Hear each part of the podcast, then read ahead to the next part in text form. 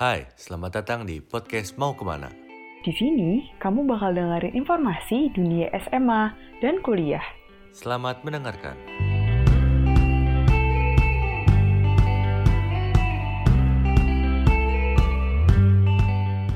Gunakan headsetmu untuk pengalaman mendengarkan yang lebih baik. Podcast episode ini dipersembahkan oleh Jelajah IPB. Halo semuanya, balik lagi sama gue Charlotte dari Mau Ke mana Podcast Squad. Nah, di episode sebelumnya, Gio sama Kak Aureli udah cerita banyak banget nih tentang alasan kenapa kita harus ngelanjutin kuliah, terutama di PB University. Nah, kali ini kita bakal ngobrolin topik yang gak kalah seru juga, yaitu seputar dunia perkuliahan di PB University. Nah, gue gak sendirian karena udah ditemenin sama Kak Umar, salah satu mahasiswa IPB University Angkatan 55. Halo Kak Umar. Halo Charlotte. Iya, silakan Kak Umar perkenalkan diri kakak terlebih dahulu. Oke. Uh, perkenalkan kepada teman-teman pendengar, saya Umar dari Agribisnis 55. Agribisnis ini merupakan bagian dari FEM ya. Jadi satu-satunya agribisnis yang ada di FEM. Saya lahir di Bandung dan sekarang itu uh, angkatan 55 ini kalau diubah jadi tahun tuh angkatan 2000, 2018. Kayak gitu aja mungkin cukup perkenalannya ya. Iya. Oh, sekarang kalau boleh tahu sekarang kakak mahasiswa semester berapa juga nih kak? Nah, saya sekarang sedang semester 5. Oh, berarti mau OTW nyusun skripsi gitu ya berarti ya kak? Hmm, KKN dulu, KKN Oh, dulu. KKN dulu berarti. Nah, karena sekarang mau ngomongin tentang dunia perkuliahan juga, aku kan sekarang kebetulan kelas 12, jadi bisa dibilang tahun depan tuh jadi calon mahasiswa baru gitu. Nah, jadi aku sama angkatan aku pun lagi niat-niat nih buat nyari info seputar dunia perkuliahan di kampus impian masing-masing. Terutama buat yang mau masuk ke IPB sih. Nah, sebelumnya boleh sharing dikit nggak nih Kak tentang kehidupan perkuliahan yang ada di IPB? Kayak proses akademiknya, suasana perkuliahan, pergaulan, terus kayak kegiatan-kegiatan apa aja sih yang bisa dirasain mahasiswa di IPB gitu? Oke, ini pertanyaannya mungkin saya akan coba jabarkan di offline dulu kali ya, karena memang setelah pandemi ini cukup banyak yang berubah gitu kondisinya, luar biasa banyak gitu. Kalau misalkan di offline ya, eh, IPB ini sendiri unik karena dia punya sistem beda, sistem yang berbeda dengan kampus lainnya. Dia punya sistem asrama kayak gitu. Ada asrama putra dan asrama putri. Di dalamnya ada berbagai macam pembinaan dan kegiatan-kegiatan yang emang eh, bertujuan untuk membentuk karakter sehingga ketika nanti masuk fakultas ya apa kompetensi dasar itu udah terbentuk kayak gitu. Kemudian yang lanjut ketika ketika tua nanti ketika masuk jadi mahasiswa baru tuh tadi ada yang kelewat bakal mengikuti yang namanya masa pengenalan kampus mahasiswa baru. Nanti setelah masuk ke fakultas ada masa pengenalan fakultas dan masa pengenalan departemen kayak gitu. Dan itu yang jadi ciri khasnya. Nanti di tingkat tiga bakal disibukin sama KKN, turun desa dan dan tugas-tugas yang emang banyak turun lapang dan akhirnya di tingkat akhir uh, bakal disibukkan dengan yang kita kenal mungkin teman-teman atau kakak-kakak kita pernah sering kali ketakutan dengan itu itu skripsi kayak gitu. Nah itu hal yang emang terjadi ketika offline itu banyak Uh, kesenangan atau keberagaman yang bisa kita lakukan gitu. Kita bisa mungkin banyak istilah-istilah yang kayak kuliah rapat kuliah rapat ketika kita mau terjun ke dunia organisasi atau misalkan uh, kita milihnya untuk jadi kuliah apa ngambil prestasi gitu. Kuliah lomba kuliah lomba atau suka dagang nih. Kalau waktu offline sering banget ada yang danusan mau dagang tahu risol atau apa pun gitu di kelas-kelas gitu. Dalam rangka ya entah itu kebutuhan pribadi atau untuk kebutuhan panitia kepanitiaan gitu. Ada juga yang emang bener-bener ngerintis bisnis besar gitu ketika di masa kampus. Jadi uh, kehidupan kampus tuh nggak sekedar uh, duduk di kuliah aja gitu. Nah, ketika kondisinya pandemi cukup banyak yang berubah gitu. Tadi uh, misalkan yang suka dagang kehilangan lapaknya kayak gitu. Terus yang biasanya organisasi kumpul, ketemuan, kepanitiaan, begadang rame-rame di satu tempat ya sekarang daring gitu. Jadi memang itu cukup melelahkan. Terus sistem asrama juga dihilangkan. Tapi ada tetap ada eh, apa pembinaan-pembinaan untuk tingkat satu tetap ada. Ada berbagai macam kegiatannya. Cuman udah nggak lagi berasrama karena di rumah masing-masing. Di satu sisi mungkin, mm -mm, jadi emang di satu sisi jadi lebih apa ya? Mungkin perut kita jadi lebih mudah terisi gitu di rumah gitu ya Uh, lebih lebih mudah gendut dan eh, lebih lebih berkah lah hidupnya gitu.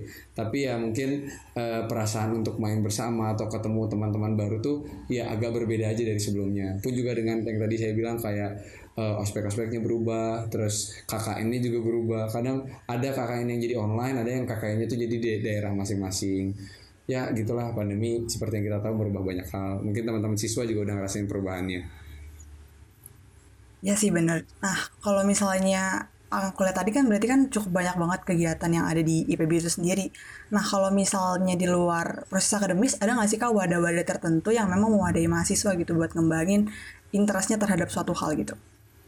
Nah, kalau bisa dibilang ya IPB itu dari sejak sebelum ke kemahasiswaan bahkan dari eh, rektorat ataupun ke, ada ada yang namanya direktorat kemahasiswaan. Dia yang menaungi segala aktivitas kemahasiswaan. Mau prestasi mau olahraga ataupun ya kompetisi-kompetisi ataupun ya kegiatan-kegiatan untuk menyalurkan minat dan bakat kayak gitu. Luar biasa sekali diwadahi gitu. Karena ada di tempat-tempat kampus kampus lain yang saya dengar ceritanya itu nggak nggak sediasuh itu gitu. Nggak nggak nggak dibimbing banget. Sedangkan kalau di IPB itu benar-benar dibantu dibimbing gitu. Untuk jadi untuk bisa jadi pribadi-pribadi yang berprestasi itu uh, ada ada wadah yang emang ngebimbing dari nol sampai juara gitu. Terus ya banyaklah kok eks apa namanya hal-hal yang bisa kita dapatkan. Kalau misalkan wadah dari kemahasiswaannya itu sendiri ada yang namanya organisasi ke organisasi kemahasiswaan kayak gitu. Nah organisasi kemahasiswaan ini terbagi lagi.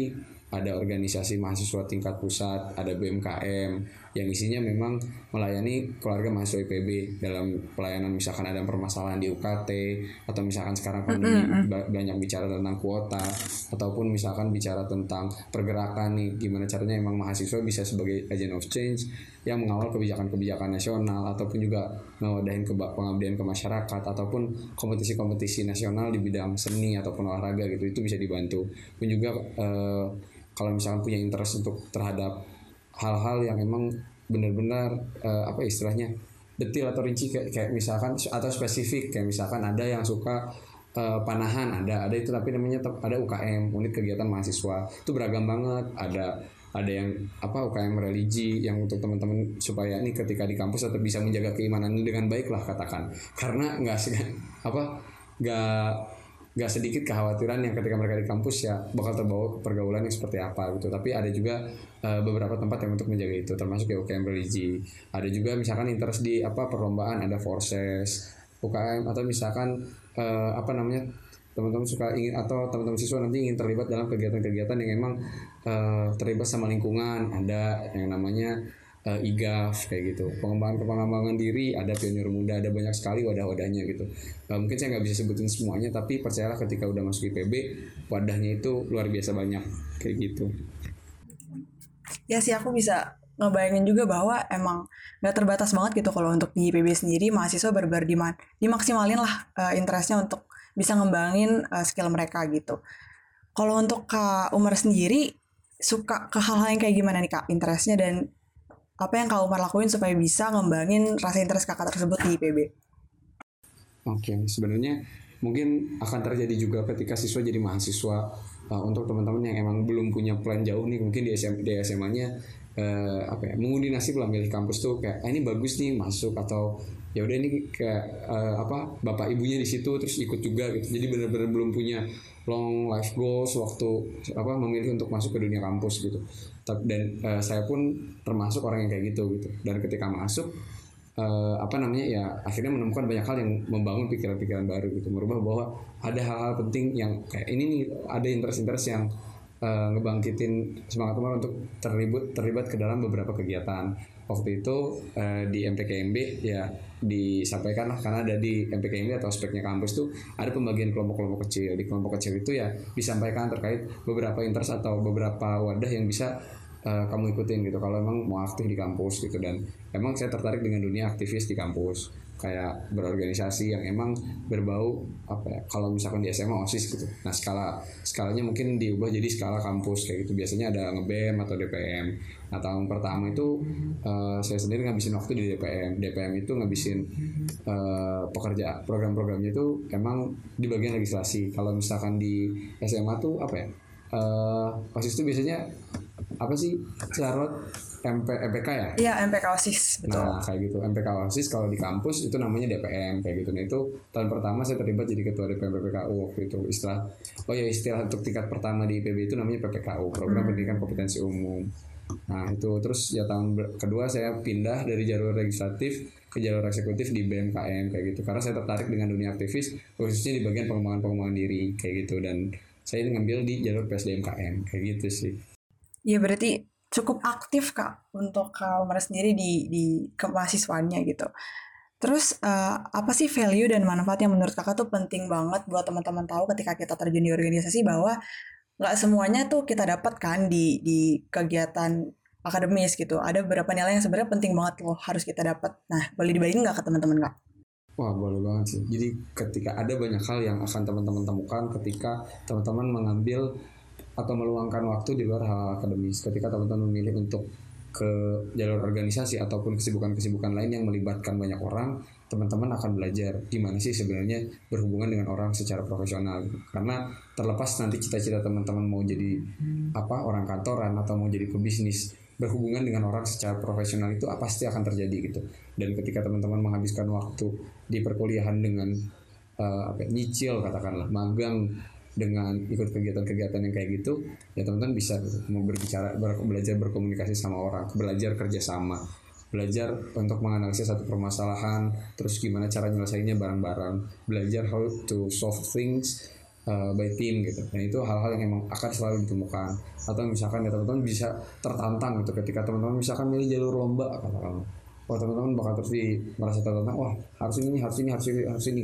Karena kalau misalkan uh, akademik itu apa ya, sifatnya meskipun biasanya kan kalau perkuliahan itu ya udah dapat materi, ada praktikum, ada tugas, udah gitu. Itu bentuknya monoton, berulang, berulang, berulang. Tidak ada sesuatu yang emang uh, menantang diri teman-teman untuk melakukan hal yang jauh lebih besar kayak gitu dan itu biasanya ditemukan di organisasi di lomba atau teman-teman menantang diri untuk ber, ber, apa memulai bisnis sambil kuliah gitu nah itu value-value yang bisa teman-teman dapatkan ya berarti keren banget. Karena aku pun ngerasain gitu struggle-nya di SMA aku pun aktif di OSIS tapi pernah di titik kayak bingung gitu. Tapi lama-lama bisa. Emang harus kuncinya time management sih benar nah um, yang kita tahu juga bahwa kan buat masuk ke IPB itu jalurnya banyak dan pesaingnya juga ketat banget kan kayak bener.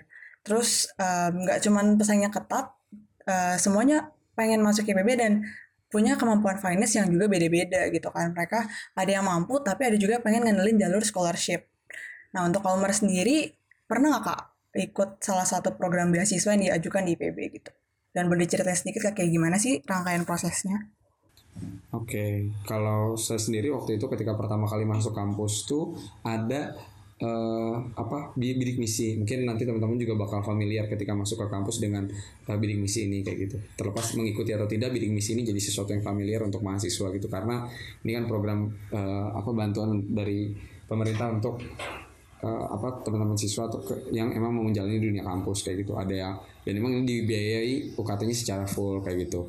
Nah, dari mula kalau misalkan yang saya jalani waktu itu ya ada pemberkasan yang memang memerlukan berkas-berkas yang kadang uh, kalau misalkan saya nggak punya ya itu jadi jadi jadi salah satu faktor sih. Kayak misalkan SK ada apa namanya nggak SKTM atau surat keterangan tidak mampu karena kondisinya apa untuk punya SKTM ini pendidikan bapak misalkan uh, di bawah di bawah apa S1 ke bawah misalkan. Sedangkan bapak saya waktu itu S2 jadi nggak dapat terus ya tapi alhamdulillahnya di, uh, apa bisa diobrolin lagi sama pihak uh, kecamatan supaya dikasih alhamdulillah dikasih. Terus uh, akhirnya lanjut ke tahap wawancara. Nah di tahap wawancara ini ini menarik sih karena uh, di PB sendiri waktu itu saya ingat per pernyataan dari pewawancara saya waktu ditanya uh, tentang detail-detail pemberkasan dan lain sebagainya.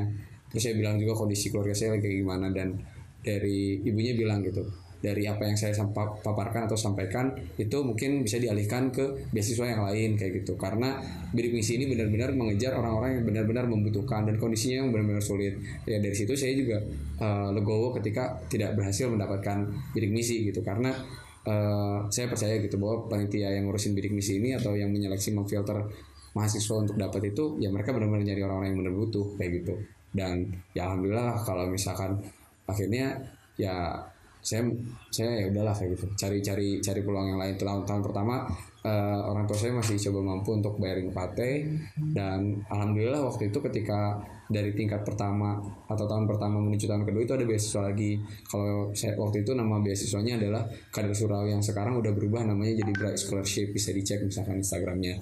Nah di situ itu uh, apa itu beasiswa dari Yayasan Baitul Malnya BRI nah itu tuh uh, prosesnya juga cukup panjang ada mulai dari pemberkasan ada tes esai tes kemampuan dasar terus uh, wawancara kayak gitu baru akhirnya diluluskan jadi peserta alhamdulillah dari sekian ratus saya terpilih jadi salah satu dari 12 orang penerima uh, ya penerima beasiswa ini. Jadi apa yang emang saya tidak dapatkan di tahun pertama bisa dipenuhi di tahun kedua. Nah itu baru segelintir beasiswa yang ada di IPB karena banyak banget gitu teman-teman semua kalau misalkan eksplorasi beasiswa biasanya infonya ada di website atau mungkin di akun-akun Instagram IPB atau mungkin aku, kalau di IPB ini ada akun juga di mau IPB di situ biasanya juga nampilin beasiswa-beasiswa yang ada.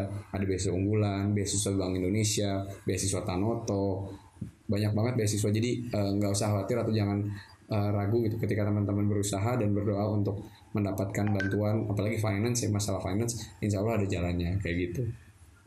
Ya berarti keren banget tuh teman-teman bahwa emang ketika kita mau survive buat ngambil scholarship emang harus ada effort yang harus dikeluarkan ya mungkin kayak gitu. Nah terus uh, mengenai jenis beasiswa tadi ada nggak sih kak syarat atau ketentuan yang harus emang dipenuhi sama mahasiswa terlebih dahulu? Kayak misalnya apakah IP atau mungkin prestasi yang emang berkaitan gitu sama beasiswa yang akan diberikan Nah, ini cukup variatif sebenarnya jawabannya karena nggak semua beasiswa punya standar yang sama gitu. Tapi biasanya kalau IPK tuh ada gitu, ada ya. Tapi apa beragam juga. Ada yang 2,75 cukup, ada yang tiga, ada yang harus 3,5 yang besar gitu. Itu beragam juga nanti. Pokoknya ketika teman-teman mau apa ngikutin satu beasiswa, perhatikan secara detail persyaratannya kayak gitu. Karena banyak banget yang orang miss kayak atau nganggap sepele atau kayak ah udahlah gitu aman lah gitu. Sehingga nggak detail atau nggak cross check lagi dari pemberkasan gitu. Dan ketidak detail apalagi khususnya masalah waktu ini kapan tutupnya? Oh, banyak banget orang yang terbengkalai karena kurang informasi padahal udah ada gitu. jadi sebenarnya PR-nya nggak cuma ada di apa tempat-tempat wadah informasi tapi dari apa teman-teman siswa atau mahasiswa nanti uh, yang emang giat untuk mencari kayak gitu. Dan pahami detailnya ini kapan nih beasiswa ini dari kapan sampai kapan kira-kira persiapannya gimana kayak gitu. Tadi kalau misalkan syarat-syaratnya beragam yang seperti yang udah bilang kalau IPK ada uh, apa ada yang dari skala 2,75 sampai 3,5 kalau kalau misalkan uh, prestasi ada yang harus punya prestasi ada yang uh, cukup biasa aja gitu. Tapi emang punya motivasi yang tinggi itu ada ada ada aja gitu seberagam itu. Jadi yang penting kuncinya adalah perhatikan detail persyaratan dari beasiswa itu sendiri kayak gitu.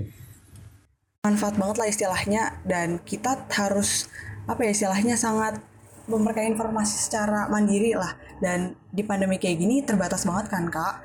Nah ada nggak sih platform untuk mewadahi siswa supaya bisa uh, dapat info-info kayak gini? Nah kalau masalah informasi ini biasanya banyak. Di tadi yang udah dibilang misalkan uh, kadang juga beasiswa juga apa namanya berusaha untuk menyebarkan informasinya seluas mungkin. Kalau misalkan ketika teman-teman masuk kampus ya, itu bakal banyak banget teman-teman masuk ke grup. Ada grup kelas, grup fakultas, grup ya banyak banget grup kayak gitu. Nah, eh, selalu tersebar biasanya di grup-grup kalau misalkan ada info info-info beasiswa.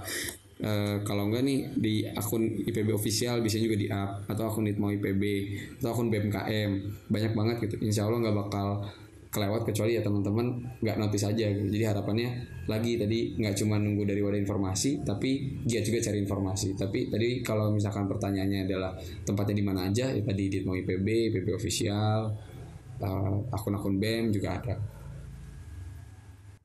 Ya, nah kalau misalnya kayak gitu kan kita berarti harus ngulik sendiri. Ada nggak sih kak event atau kegiatan yang emang bener-bener ngebuat siswa tuh, oh gila cukup dengan dari sini aja kita dapat info banyak banget gitu yang emang diselenggarain dari IPB-nya langsung gitu.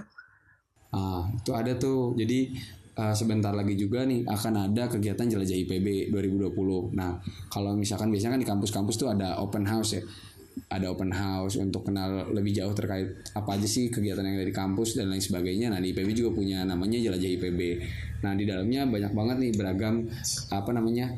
beragam banget kegiatan yang intinya adalah untuk mengenalkan keberagaman yang ada di IPB sendiri mulai dari ini kegiatan di akademiknya atau fakultas-fakultasnya, prodi-prodinya, ada juga nanti UKM-UKM-nya bakal dikenalin gitu. Itu banyak banget uh, apa namanya. Jadi kalau misalkan nanti ada udah ada informasi jelajah IPB nih, pastikan teman-teman siswa nggak ketinggalan infonya atau nggak ketinggalan eventnya karena ini merupakan event yang apa ya untuk teman-teman siswa apalagi kondisi pandemi benar-benar misalkan aduh kurang infonya ini, ini bisa gitu dan dengan kondisi pandemi ini ada jadi menguntungkan gitu teman-teman nggak usah jauh-jauh datang ke IPB untuk ikut kegiatannya tapi secara daring teman-teman bisa tahu nih IPB dengan berbagai macam keragaman kegiatannya uh, secara secara daring kayak gitu. Wah, pasti bakalan seru banget nih kalau Mar eventnya. Kapan lagi kita bisa dapetin banyak informasi mengenai IPB University cukup dengan ikut event jelajah IPB yang bisa diakses di rumah kita masing-masing. Iya, jangan sampai kelewat lah kalau bisa. Jadi aku mau ngucapin makasih banyak buat Kak Umar yang udah meluangkan waktu buat cerita banyak mengenai kehidupan perkuliahan dan kasih tahu tentang event jelajah IPB ini. Sama-sama. Dan buat teman-teman yang mau beli tiketnya, bisa banget cek di jelajahipb.id dan follow Instagramnya di @jelajahipb buat dapetin banyak informasi lebih lanjut tentang eventnya. Dan jangan lupa juga buat follow Instagram kita di @mauke underscore mana. Jadi makasih ya buat teman-teman yang udah dengerin podcast kita di episode hari ini. Dan sampai jumpa di episode selanjutnya. Dadah! Wah, seru banget ya podcastnya. Terima kasih banget buat kamu yang udah dengerin podcast ini. Nantikan episode selanjutnya ya. Podcast episode ini dipersembahkan oleh Jelajah IPB.